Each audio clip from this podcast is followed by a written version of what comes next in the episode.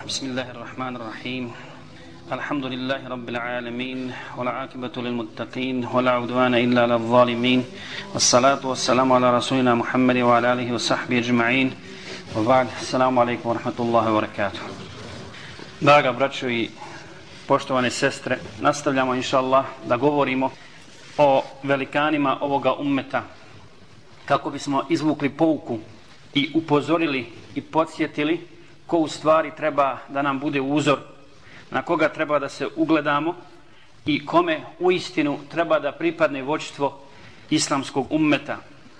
Mi znamo za hadis poslanika sallallahu alaihi wasallam al ulama'u warathatul anbiya učenjaci su nasljednici Allahovih poslanika i Allah subhanahu wa ta'ala braćo i sestre preko učenjaka održava u životu ovaj ummet ummet Muhammeda sallallahu alaihi ve sellem. Dakle, kad ne bude učenjaka i kad nestane učenjaka, onda se slobodno može kazati da je islamski ummet umro, jer njihovim nestankom ummet gubi veliku vrijednost. Kako kaže poslanik sallallahu alaihi ve sellem, u hadisu kojega bilježe Buharija i Muslim od Abdullaha ibn Amra, Allah subhanahu wa ta'ala neće podići znanje sa zemlje tako što će ga iščupati iz srca ljudskih, nego će podići znanje kako? Nestankom uleme ili smrću islamskih učenjaka, tako da neće ostati nijedan učenjak ili kada nestane učenjaka, kaže poslane sa srlem, i tahaden nasu ruusen džuhala, ljudi će onda uzimati za vođe neznalice. Fa su'ilu fa aftau bi gajri ilm pa će ih pitati, a oni će davati fetve i odgovore bez znanja, fa dallu wa adallu. I bit će sami u zabludi, drugi će odvoditi u zabludu. Večera se, inša Allah, družimo sa jednim od velikana islamskog ummeta. Govorimo o šejhu muslimana, govorimo o imamu Maliku, imamu hadisa i fikha, Maliku ibn Enesu, koji je rođen 93. hijđarske godine rodio se u Medini i jako je rano počeo sticati znanje. Mi znamo da je Medina, braćo i sestre, bila inače stjecište islamskog znanja, odnosno islamskih učenjaka, da su ashabi djelovali u Medini, da je Imam Malik još uvijek, dakle, bio u tom periodu kada je sve bilo obilježeno, Medina bila dakle sva u znaku tog mirisa sunneta poslanika sallallahu alejhi ve sellem iz života te prve generacije, najbolje generacije, najbolje generacije muslimana do sudnjega dana. Što se tiče samog imama Malika, dakle kao dijete, hoćemo da spomenemo nekoliko stvari koje su vezane za njegov život. Kažu da je bio jako lijep, dakle lijepog izgleda.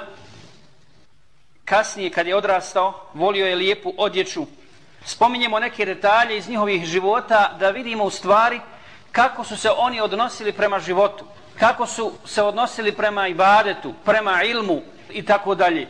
Da ne pomisli neke ljudi da su islamski učenjaci kad govore o zuhdu, kad govore o skromnosti, da su oni svi nosili nekakvu trošnu odjeću, bili poznati po tome i tako dalje.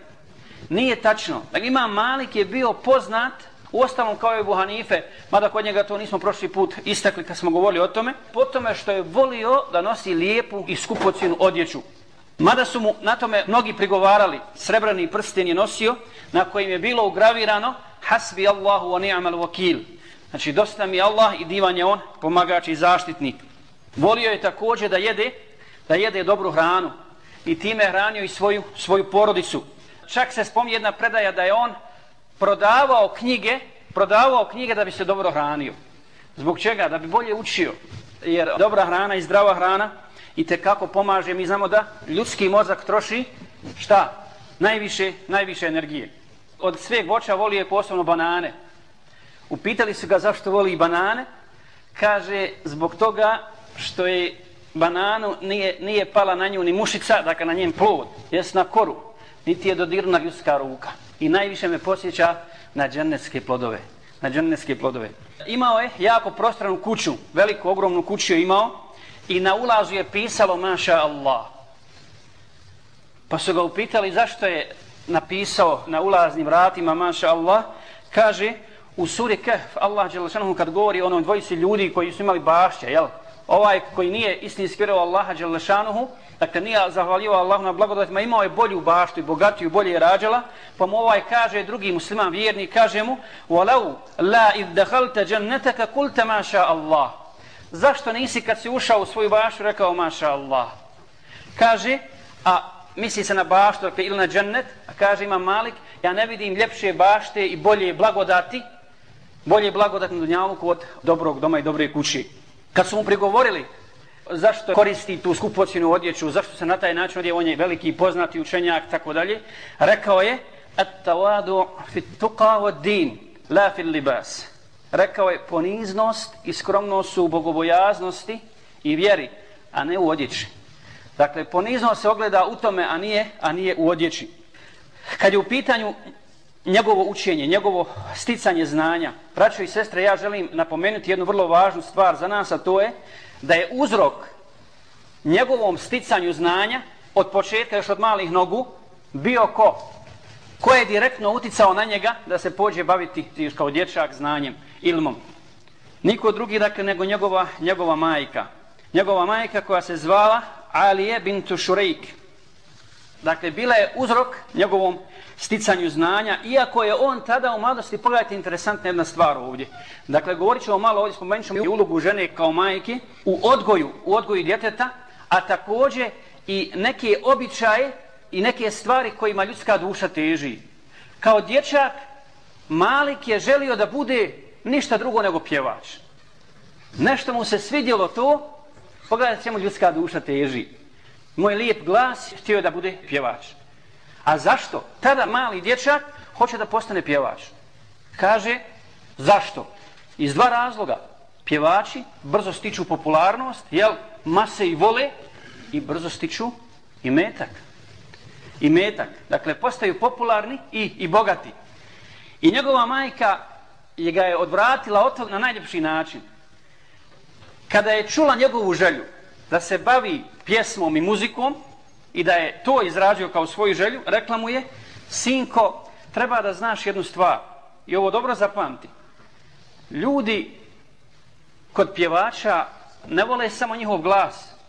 Vole da taj pjevač bude i lijep. Neće da ružne pjevače da slušaju. Dakle, mora biti lijepog izgleda i sve ostale stvari mora da ima kod sebe. I dijete misle se to direktno odnosi na njega. Nije rekla ti si ružan. Naprotiv, bio je jako lijep. Zvali se ga kao Fetan al-Ashkar, plavi mladić. Apsolutno nije bio crn, čistokrvni pravi Arapit, onaj, one bijele, bijele puti. Ali dijete je to skontalo kao da se to na njega odnosi. Veli, ja sam ružan, mene neće htjeti slušati, kako kaže moja majka i ja ću, ja ću se predijeliti za nešto drugo. Pa mu kaže, nego bilo bi ti bolje da ti uzmeš, da ideš, da slušaš islamske učenjake. Da slušaš Rabi'atu Re'a, poznati islamski učenjak koji je živ u Medini, da od njega učiš fik. Ili kojeg hoćeš učenjaka da, da izabereš. Pogledajte, i poslije toga ima Malik je otišao, majka mu je skrojila lijepo odijelo, odijelo koje je posjeća na odijelo učenjaka. Turban mu napravila i kao dječaka, neki kažu sedam godina, ne kažu deset godina. Poslala ga u mesčid da ide u halku da sluša, da sluša ilm od poznatih islamskih alima tada. Dakle, pogledajte šta znači odgoj, istinski odgoj i koliko majka kao takva može uticati, uticati na svoje dijete. I u svojoj mladosti se pokazao vrlo bistrim i jako inteligentnim. I hoću ovdje, braćo i sestre, da spomenem šta znači u stvari sticanje islamskog znanja, odnosno znanja koje će čovjek koristiti, a posebno islamskog šarijetskog znanja. I na koji način su islamski učenjaci, odnosno tadašnje generacije, sticale znanje. Wallahi je u imamu Maliku veliki ibret. Recimo Ebu Hanifa, mi o njemu nismo govorili kao učenjaku od početka prošli put zbog toga što on vrlo se kasno počeo baviti naukom. Rekli smo razlog. Trgovina tek kasno se uključio u halke ilma. Ali je posto, posto vrhunski islamski učenjak. Međutim, Malik je od, od malih nogu počeo da sluša islamski učenjake. I koliko je vrednovo on kao dječak nauku. U to vrijeme živio je i on je slušao od njega. Njegova predavanja, Nafi' Dakle, oslobođeni rob Abdullaha ibn Omera. Slušao je od njega, ali nije mogao on stalno da prisustuje u njegovim halkama gdje on imao svoje učenike, učenike mogo je na općim dersovima u mesčidu kad, kad se okupi sav svijet, gdje je bilo svakome slobodno pristup.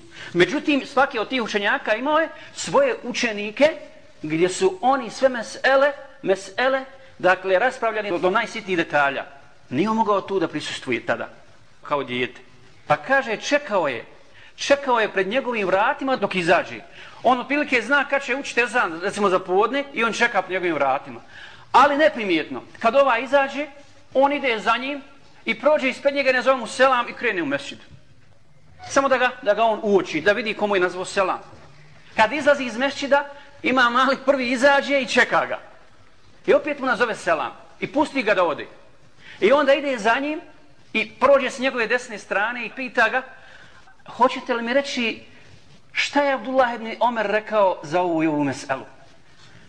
I ovaj, dakle, pošto ga već zna, dva puta mu nazivao selam, neće da ga pita ko si ti, već ga zna. Pa kaže, dijete, Abdullah ibn Omer je rekao to i to za, za tu određu meselu. I on bi, i on bi zapamti. Dakle, pogledajte koliko je htio da se približi njemu, da ga prihvati, dakle, u tu užu halku svojih, svojih učenika, da od njega, da kod njega, da kod njega uči. Također, primjer iz njegovog života, učenja kod koga je on učio, koji je kasnije postao njegov učenik. Ibn Shihab az-Zuhri. Poznati islamski učenjak, koji je učio imama Malika, a kasnije slušao pred njim. Pred njim Imam Malik tada kao dječak, dolazi jedan dan na Bajram, dakle, Ramazanski Bajram je bio, i on zna da ne može, dakle, u tu halku. Može u mesčit, kako smo rekli, kod svakog učenjaka. U njegovu užu halku nije mogao. Bajram je bio, I šta je djete skontalo? Kaj ja znam, danas je Bajram i danas nema halki. Danas je slobodan dan.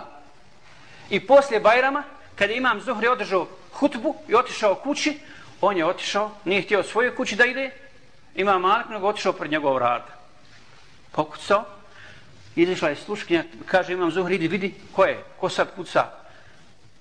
Kaže jedan dječak, došao je ovdje, e, uvedi ga, ne, da vidimo šta hoće. Možda je neki siroma, raži nešto da mu se da, Bajram je svakako, da ga, da ga obradujemo. Pa je ušao i prepoznao ga je Zuhri. Kaže mu, kad su se Bajramovali, sjedi, hoćeš li jesti, jesi li šta, jesi li šta jeo, jer poslije Bajrama treba da, da se nešto pojede, da se ruča, da se... Kaže, nisam i neću da jedem. Ne treba mi ništa. Kaže, što si došao? Što si došao baš danas za Bajram? Kaže, znam da danas nema halki. Znam da danas nema, nisi zauzet, pa sam došao da čujem od tebe koji hadis. Kaže, baš danas si izabrao. I njemu se svidjelo to kako je mudro postupio ovaj dječak. Dobro, kaže, nema veze što je Bajram. Imaš ništa da zapisuješ, kaže, imam, ponio sam ja. Izvadio je da piše.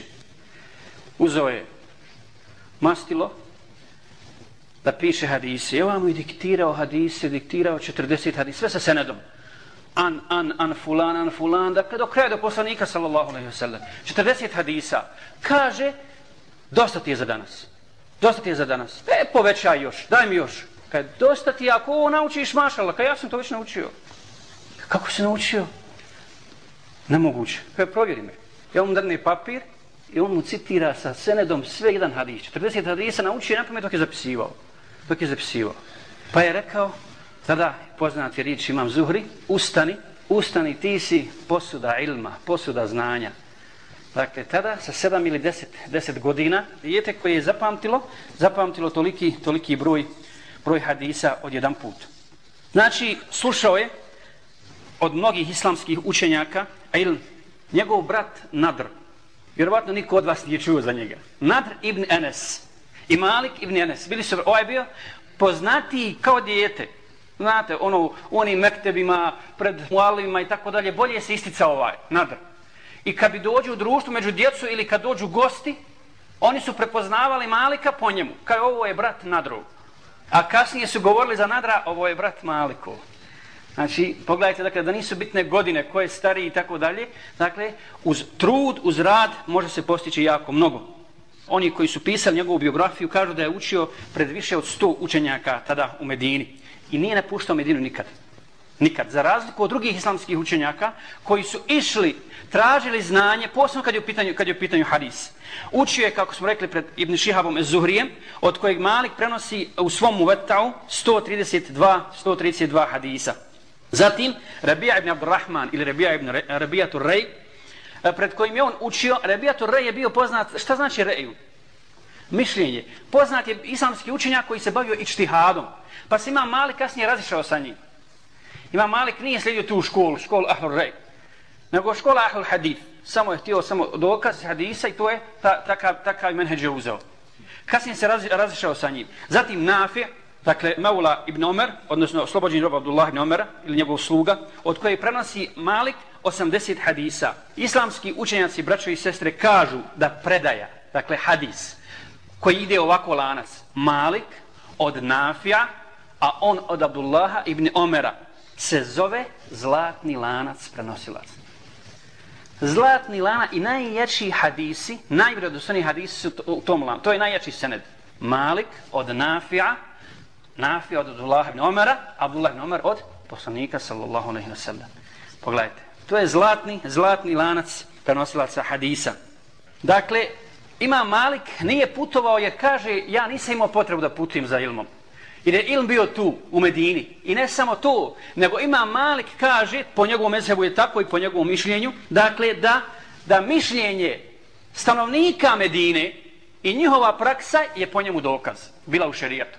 I poznata je čak njegova prepiska sa Lejsom ibn Sadom, učenjakom Misra, kada je čuo da je on donio fetvu u Egiptu, koja se suprostavlja mišljenju stanovnika Medine, ova ima Malik mu je poslao pismo koje ga je na najljepši način ukorio zbog toga. Ukorio zbog toga. Pa mu je Lejs ibn Sad odgovorio još, na još ljepši način, na još ljepši, kao svom šejhu, kao učenja, učenjaku od kojeg, je on, od kojeg je on učio. Da su ashabi poslanika sa selem od, od 30.000 koji su učestvovali na Tebuku, koliko je preselilo u Medini? 4.000. 4.000 samo preselilo u Medini. Dakle, oni se razišli po Dunjaluku. Razišli tako da su mnogi od njih došli u Egipat. I od njih su učili ljudi. Dakle, učili su direktno od ashaba. I taj ilm, i hadis je prenešen ne samo u Medini, nego i u Egiptu. I ja sam na osnovu toga, ne, ne, ne na osnovu svog mišljenja, nego na osnovu dokaza hadisa koji su tamo ljudi u Egiptu prenijeli, od ashaba donio, donio tu fetvu, što ima Malik svakako uvažio. Kad je ima Malik počeo da drži halke predavanja, zvanična predavanja kao učenja? U kojoj godini? U 17. godini. U 17. godini, dakle, imao je ogromnu halku u mesčidu poslanika, sallallahu alaihi wasallam. Dakle, prenosio hadis, hadis i davao fetve, davao fetve iz, iz fika. Kad je u pitanju hadis, tu je bio posebno pred, dakle, imao je dva različita pristupa hadisu i fiku. Hadisu i fiku. Kada je predavao fik, Ako se nije radilo, dakle, onove halki za, za posebne svoje učenike, posle namaza bi držao halku i tako dalje. Međutim, kad treba da drži hadis poslanika, sallallahu alaihi sallam, imao je specijalno odijelo za to. Specijalno odijelo za držanje predavanja iz hadisa poslanika, sallallahu alaihi sallam. I posebnu kapu je imao koja je ličila na krunu kraljevsku.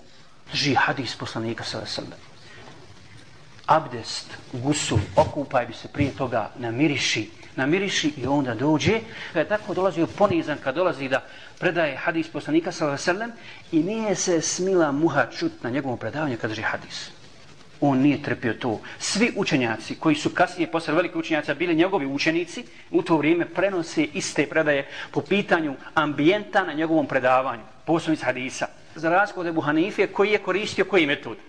Raspravljanja. Kod njega je bilo živo. Kad uđeš kod Ebu Hanife, u, ovaj učenik iznosi svoje mišljenje, ovaj svoje, kod nama nema toga. Nema toga. On prenosi hadis i ne smije se čuti ništa. Jedan od njegovih učenika kaže, tako mi Allaha, ja se nikoga nisam bojao, nikog nisam osjećao veći strah, odnosno strahopoštovanje, kao od Abdurrahmana je Dahila, onoga poznatog vojskovođa, odnosno jednog od Emevija koji je kasnije osnovao Emevijsku državu Endelusu, kad se ona bila skoro raspala odnosno zvao Abdurrahman ibn Muavija.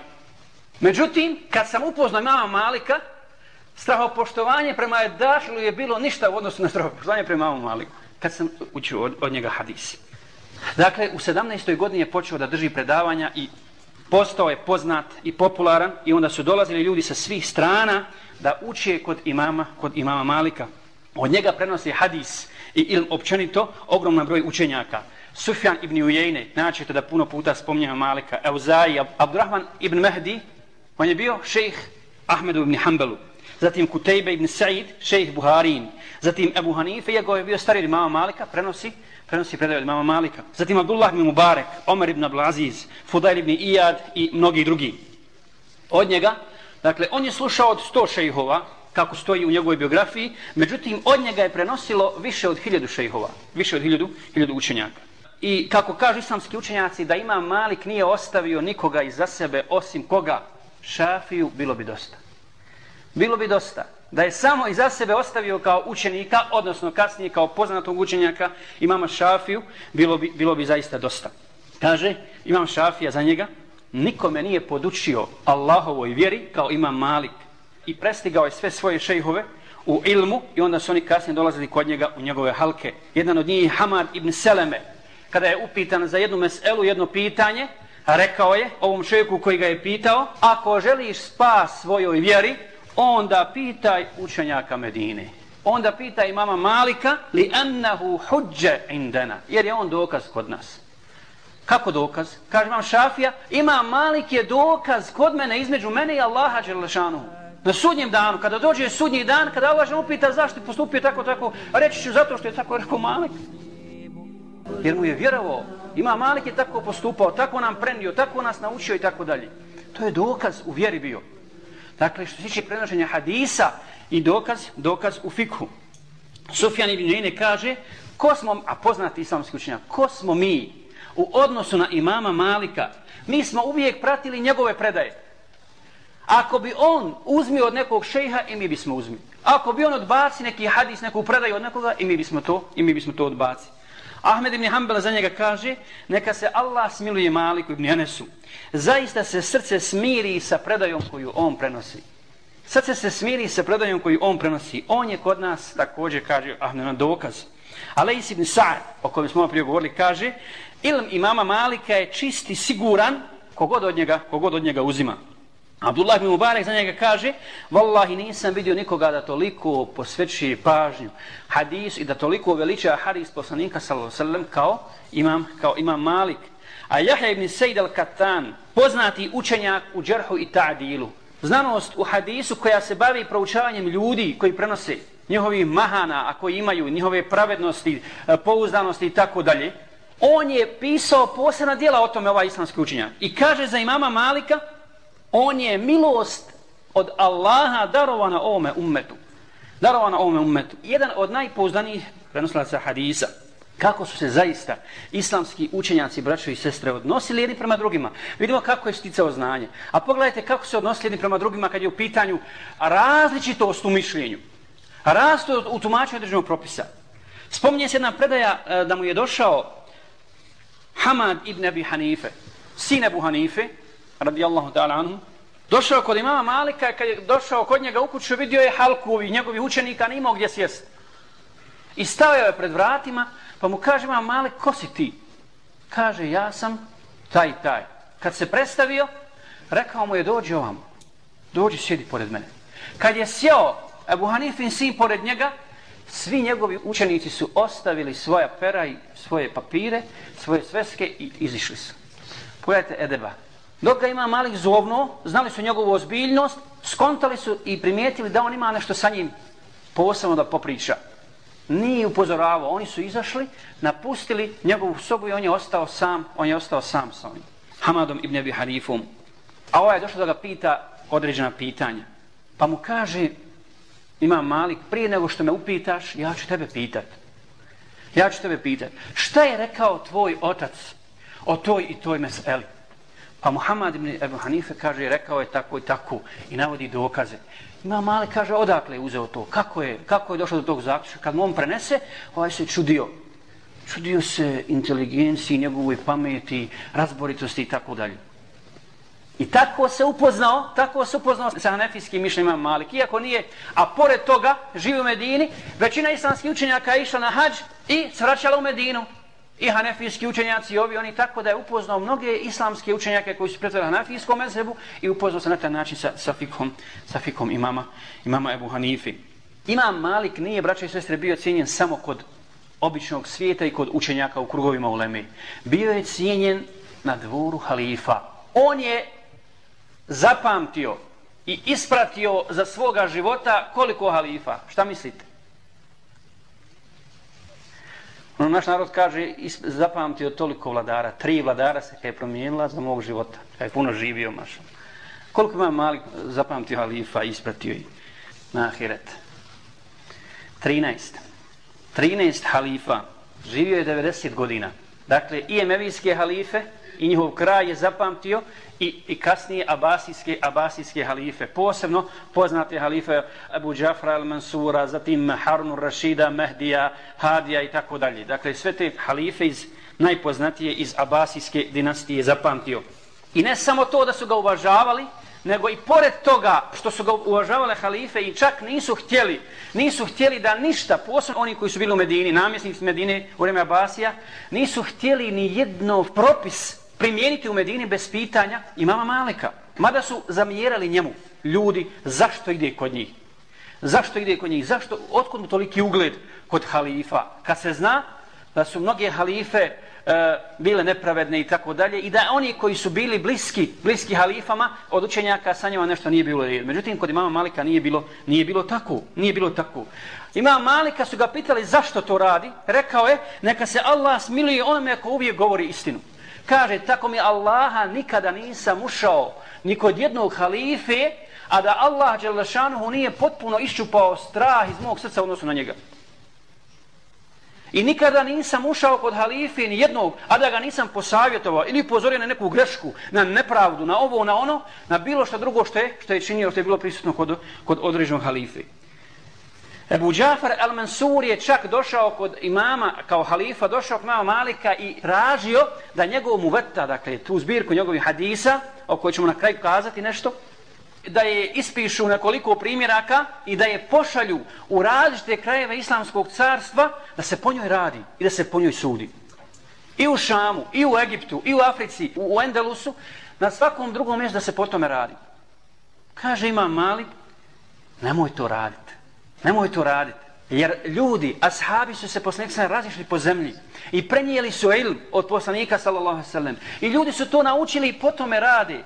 Nemoj sad da oni ostavljaju to zbog ove moje knjige, zbog ovoga djela. Nastaće smutnja i fitna na zemlji. Neko neka rade onako kako su, kako su naučili. Nemoj da im uvata bude ono uniformisano mišljenje i mora se, mora se potom raditi. Pogledajte islamskog učenjaka koji odbija da njegov uvata bude, bude dakle fiksko i hadijsko djelo po kojem će se rad čitavom islamskom carstvu. Pa kaže Abu Džafra al-Mansur, tako mi Allaha, u pravu si. I da nisam došao se posavjetim s tobom, ja bi naredio da se to uradi. I onda ko to ne bi uradio, ja bi ga kaznio. Ja bi ga kaznio zbog toga. Zatim, kada mu je došao Harun Rashid, pošao na hač Harun Rashid i svratio kod imama Malika. Kod imama Malika. Prije toga je tražio od njega da dođe u Bagdad da, da, da podučava njegove sinove. Njegove sinove hadisu i fikhu. Ima Malik je rekao šta? Svoj poznati govor. Al ilmu yu'ta wala ya'ti. Znanju se dolazi, a znanje ne dolazi nikome na noge. Dakle, znanju se dolazi na noge pa je svratio Harun Rashid kod imama Malika i primio ga on. I Harun Rashid kao halifa je sjeo, kad je ušao kod njega u sobu, ispružio noge, naslonio se. Ima Malik je daž bio star, pa mu kaže ima Malik, ja amirul mu'minin, Allah Đelešanuhu voli poniznost kod svojih robova. Od islamskog edeba je da jedan musliman, makom bio, poštuje sjede drugog muslimana. Pa je Habifa se pokupio i sjeo, i sjeo na koljena pred imama Malika i hoću da čujemo tebe hadis. Hoću. Kad je završio, imam Mali kaže mu Harun Rashid, kaže, mi smo se ponizili pred tvojim ilmom, pa smo se okoristili od tvoga ilma. A Sufjan ibn Ujejne je ponizio ilm pred nama, pa se nismo okoristili od njegovog ilma. Kad Sufjan ibn Ujejne je pristao da dolazi na halifin dvor da ih podučava, ali se nismo okoristili od njegovog ilma koliko smo se okoristili od tvoga ilma. Jedan put je Harun Rashid također, dakle, da objasnimo tu meselu, zašto su halife svačale kod njega, zašto ga toliko uvažavale. Harun Rashid, znači, nije, nije se ododvoravao njima. Harun Rashid je se zakleo krivo, pa je trebao kefaret. I došao kod imama Malika da ga pita šta treba da uradi. Koju od kazni Očekivao je Harun Rashid da će imam Malik kazat, trebaš osloboditi roba, ako ne možeš to, deset siromaha na hrani ili odjenu, a na kraju posle tri dana. Imam malik mu odma koji stopa kaže, kefare za tebe je da postiš tri dana. E, kako subhanallah? Kako da postim tri dana? Zašto nisi rekao Allah kada treba roba osloboditi? Da treba nahrani siromahe? Kaže mu, ima malik o emirul mu'minin. I metak koji posjeduješ i s kojim želiš da oslobodiš roba ili da nahraniš siromaha nije tvoj. Ne pripada tebi. To je metak svih muslimana i ne možeš time oslobađati robove. Nego posti tri dana. To je za tebe, to je za tebe kefare. Zatim, koliko se namjesnici ustručavali njega i osjećali strahopoštovanje, priča sam Šafija. Kaj kad sam htio da idem kod, kod imama Malika da učim, preporučio me namjesnik Mekke, a Šafija je Kurejši, ali tako, iz tog, iz plemena poslanika Salveselem, iz Tiloze. Kaže, dok sam bio dječak, preporučio me i kaže, evo ti nosi ovo pismo, dva pisma, jedno namjesniku Medine, jedno imamu Maliku. Da učiš kod njega. Da namjesnik Medine ode kod imama Malika pa da se preporuči i da odnese to pismo koje je poslato imam Maliku. Kaže, kad sam došao kod namjesnika, on me je primio bez ikakvih problema. Kad je pročitao pismo, odhuknuo je, zabrinuo se. Kaže, vallahi, ja bi volio pješke otići iz Medine u Meku, nego otići na vrata imamo Maliku. Da ga molim, da ga molim, da ga da mu nosim kaže, pa sam se začudio, subhanallah, što namjesnik se boji toliko imama Malika. Ka, a uvjer, ka, zašto, zbog čega? Ka, uvjerit ćeš se, hajdi sa mnom. I poveo je namjesnik svoje ljude i uzeo je mladog šafiju, pokucali su njegova vrata i mama Malika izišla je sluškinja. Ovaj se, kad je vidjela ko je vratila se i kaže, došao je namjesnik, hoće da, da te vidi. Ima malka i vrati se i pitaj ga. Ako ima kakvo pitanje, nek napiše na papir, pa ćemo odgovoriti i vratit ću mu nazad. I ona je izišla ponovo i obavijestila ga. Kaj, reci mu, molim te, reci mu da je došao namjesnik sa posebnim pismom od namjesnika Mekke, vezano za jednog mladića. Tada ima Malik naredio da mu se iznese stolica, sjeo je pred vrata svoje, pred, pred kućom i onda je uzeo to pismo od namjesnika, kad ga je pročitao, bacio ga je naljutio se, bacio ga i kaj teško ilmu. Kad je došao takav vakat da se ilm uči preko veze. Preko veze namjesnik Mekke šalje pismo namjesniku Medine da ovaj primi, da učenjak primi ko danas na fakultet ili ga primi. Veze i veze se primi, nisi položio, ali nema problema. Babo je dobar gore sa dekanom. Biću primjen. Bacio je to pismo i gotovo je šafija, mislio gotovo, propalo je mora se vratiti u Meku. Tada je on nastupio. Kad ja sam tada smogao snage, vidim da namjesnik neće, on je se zbunio pred imamom Malikom. Ja sam izišao naprijed i kažem, salamu alaikum, ja ših, ja sam taj. Iako sam mlad, iako sam, želim učiti znanje, učio sam do sad pred tim i tim, nabrajamo šehova pred kojima je učio već imam šafija, pogledao imam Malik i kaže, skoro sat vremena je samo gleda u mene. I na kraju mi kaže, kako se zoveš? Kaže, zovem se Muhammed kaže o Muhammede ittakillah Muhammede boj se Allaha. Ja na tvom licu prepoznajem znakove ilma i bogobojaznosti. I nemoj to prokockat. I primio ga je primio ga je da, za, svog, za svog učenika. Dakle takav je bio ima Malik. Ono što je braćo i sestre za njega posebno poznato jeste da je čovjek učenjak islamski koji je islamskoj nauci, islamskom znanju dao doprinos posebno u jednoj oblasti. U čemu? Kojoj? Jeste u hadisu. Ali šta je on posebno uveo? Jedno pravilo, jedno zlatno pravilo koje je bilo poznato za mama Malika. Nije samo za njega, za njega posebno. Ashabi su tako postupali, tabini i ostali islamski učenjaci.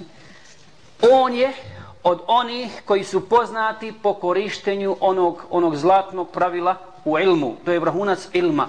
Ne znam. Ne znam. Kad ne zna, ne zna. Kaže Abdurrahman ibn Mehdi, jedan od poznatih islamskih učenjaka, koji je bio učenik imama Malika, bili smo kod imama Malika na dersu, na predavanju, pa je došao čovjek Došao je čovjek iz Magriba i tražio da ga primi imam Malik, da mu postavi neka pitanja. I postavio mu je pitanja. Imam Malik kad je to vidio, kaže, ja ne znam na ovo odgovoriti. Ovaj čovjek kaže, subhanallah, kako? Ja sam šest mjeseci putovao. U jednoj predaji stoji četiri mjeseca. Moj narod me poslao i kad nisu, naši učenjaci nisu dali odgovor. Rekli su, ako neko zna odgovoriti na to, zna imam Malik. Kako ću se vratiti sad? Toliko preputovao i kaže da ne znaš tako jednostavno. Kada dobro, ostavi me do sutra. Do sutra, prenoći tu u Medini, pa ću ti reći. Kad je svanulo, posle sabaha, ima Malik mu kaže, ne znam odgovoriti na ovo. Pa kaže, šta ću reći ljudima kad se vratim? Reci im da ima Malik ne zna. Kad ne zna odgovoriti, odgovoriti na pitanja koja su postavili. Zatim, kaže imam Šafija, bio sam sa imamom Malikom, dakle u toj halki, kada je upitan 48 pitanja. 48 pitanja, na 32 pitanja odgovorio je ne znam. A ona ova ostala je, ostala je da odgovor.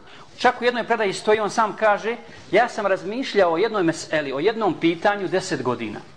I još mi se kada srce nije smirilo na odgovor. Još nisam našao, još nisam našao odgovor. To je dakle vrhunac silma, braći i sestre. Vrhunac silma. Mi znamo kako se danas kod nas lahko odgovara i kako fetve sipa iz rukava i kako se ljudi zbunjuju time. I kako se ljudi zbunjuju time.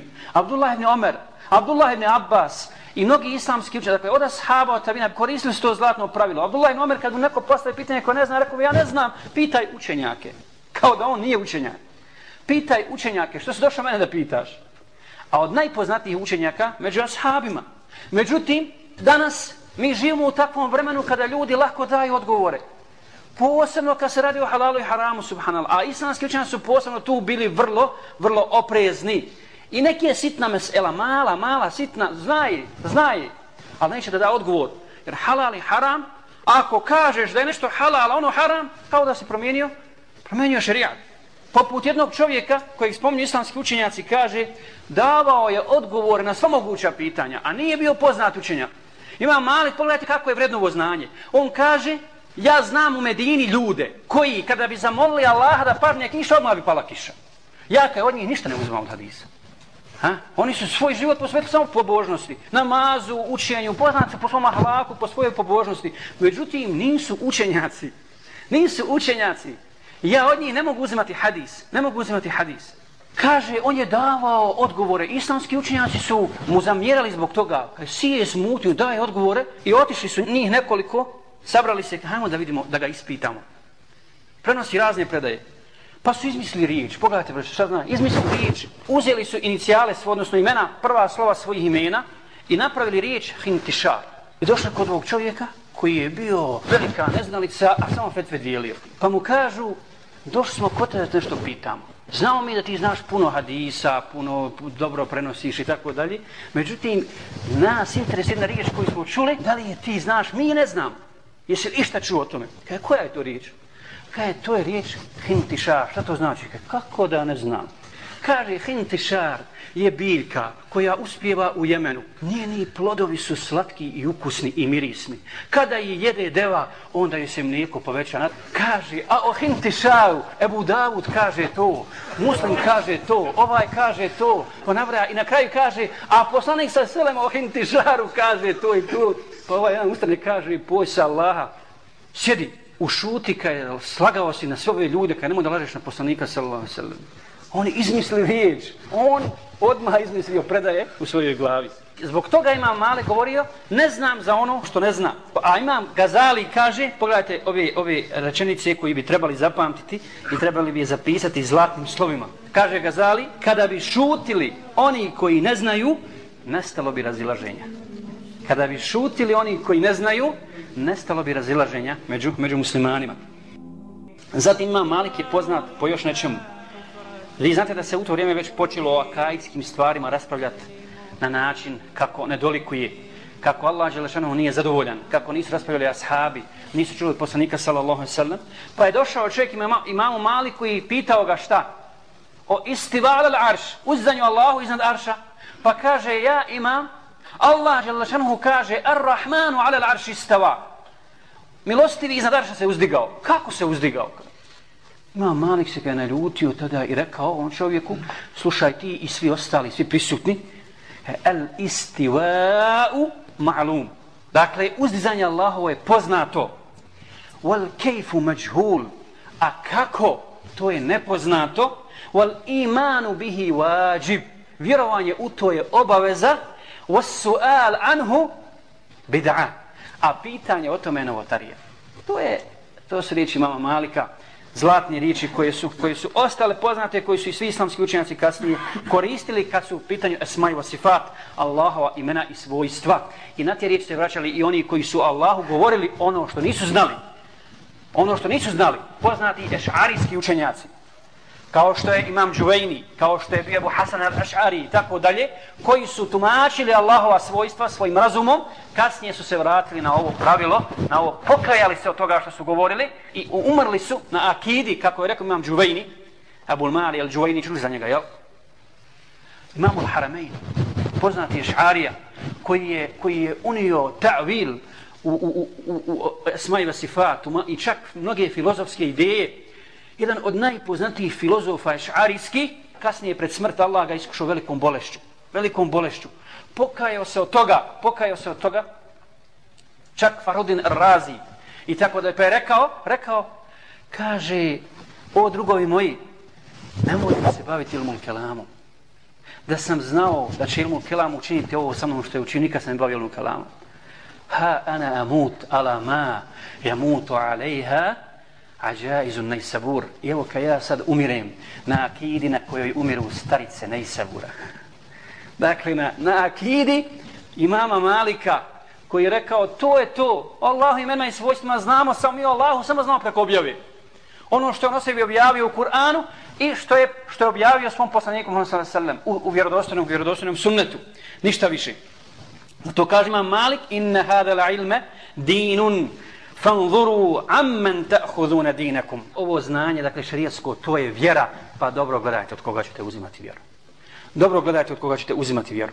Što se tiče njegovih dijela, njegovo najpoznatije dijelo je, kako smo kazali, al muwatta. Jel? Islamski učenjaci kažu da, da je dobila ime po, imaju dva mišljenja o tome. Dakle, prvo je da, zato što glagol vatta znači ugaziti, utabati. Dakle, to je već ugažena staza, jasna ko dan, sunnet Allahu poslanika sallallahu alejhi ve sellem koji to je staza kojom su prošli prošli mnogi mnogi mnogi ashabi mnogi tabiini. A drugo drugo mišljenje od glagola samo druga vrsta va pa što znači šta? Složiti se sa sa predlogom ala znači složiti se. Znači to je knjiga to je djelo oko kojeg se složili svi učenjaci Medine da je to 100% sahih i ispravno ispravno. Ona sadrži, dakle, hadise poslanika sa veselem, govor ashaba, tabiina i tako dalje. Međutim, ta knjiga ipak i to djelo sadrži i mursel hadise, gdje je preknuta nas prenosna sa gdje fali ashab, munkati hadise, gdje fali tabiini i ashab i tako dalje. Sadrži, kako kažu islamski učenjaci, belegijate, gdje kaže Malik ibn Enes, belagani, čuli smo, došle do nas vijest o tome i tome i tako dalje. Imam Malik je pisao mu vata 40-40 godina. I Imam Šafija za to djelo kaže, posle Allahove knjige nema bolje i vjerodostojnije knjige od Malikovog muvrta. Naravno, imeslanski učenjaci su obrazložili ovaj govor imama Šafije, pa su rekli, to je Šafija rekao prije nego što je sabrana Buharina i muslimova i muslimova zbirka. Dakle, i pored svega toga što smo kazali imam Maliku, kažemo na kraju imam Malik je čovjek koji pogriješi i potrefi kako je sam rekao, dakle, od njega se uzima, ali i odbacuje kao od ostali. I zabranio je kao i Ebu Hanife i svi ostali učenjaci slijepo slijedženje. Ono što je važno istaći, braćo i sestre, jeste dakle da kad je u pitanju mezheb, imama Malike, Ebu Hanife i bilo koji drugi, dozvoljeno, islamski učenjaci dozvoljavaju slijedženje mezheba. Dakle, za ljude koji nisu upočeni dovoljno u nauku i tako, međutim, uz jedan šart da kada čovjek koji je hanefijskog mezheba, malikijskog mezheba, dođe do hadisa koji je u suprotnosti sa mišljenjem imama mezheba, da prihvati hadis, a odbaci, a odbaci neispravno mišljenje bilo kojeg imama, jer niko od imama i od ljudi nije, nije nepogrešiv, osim poslanika Muhammeda sallallahu alaihi wa sallam. Molim Allaha da nas učvrsti na istini, da nam podari istinsku razboritost i poznavanje šerijata, da ga primjenimo u našim životima i da nam ovi ugledni imami i učenjaci budu uzor u našim, u našim životima.